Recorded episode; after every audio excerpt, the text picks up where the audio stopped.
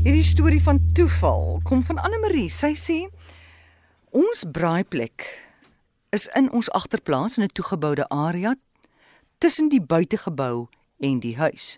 Nou langs die braaiplek is daar 'n inham wat gedurig vol hout gepak is. Aan die ander kant van die braaiplek is nog 'n inham met deurtjies voor, jy weet soos 'n kas en daar binne staan goed wat ons nog gaan benodig vir die braai. Net langsaan staan die gasbraaier met sy vol gaskan. Een Vrydag aand het my man vir ons vleis gebraai en toe hy alles opgeruim het, het hy een stompie wat daar in die vuurherd bly lê het en wat nie gebrand het nie, teruggesit op die hoop hout langs die braaiplek. Ons is kamer toe, ag en ek het nog so geleen lees.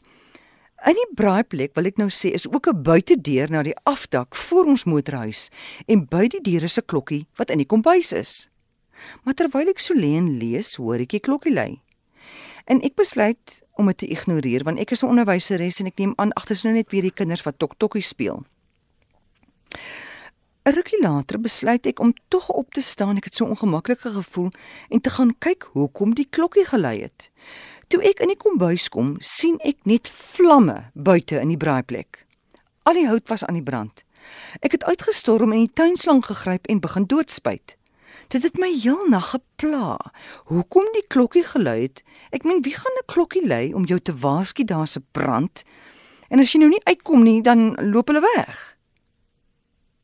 Die volgende oggend het ek die petalje soos gestaan en kyk, en toe sien ek die elektriese koord van die klokkie loop bo teen die muur en die hitte van die vlamme het die koord gesmelt.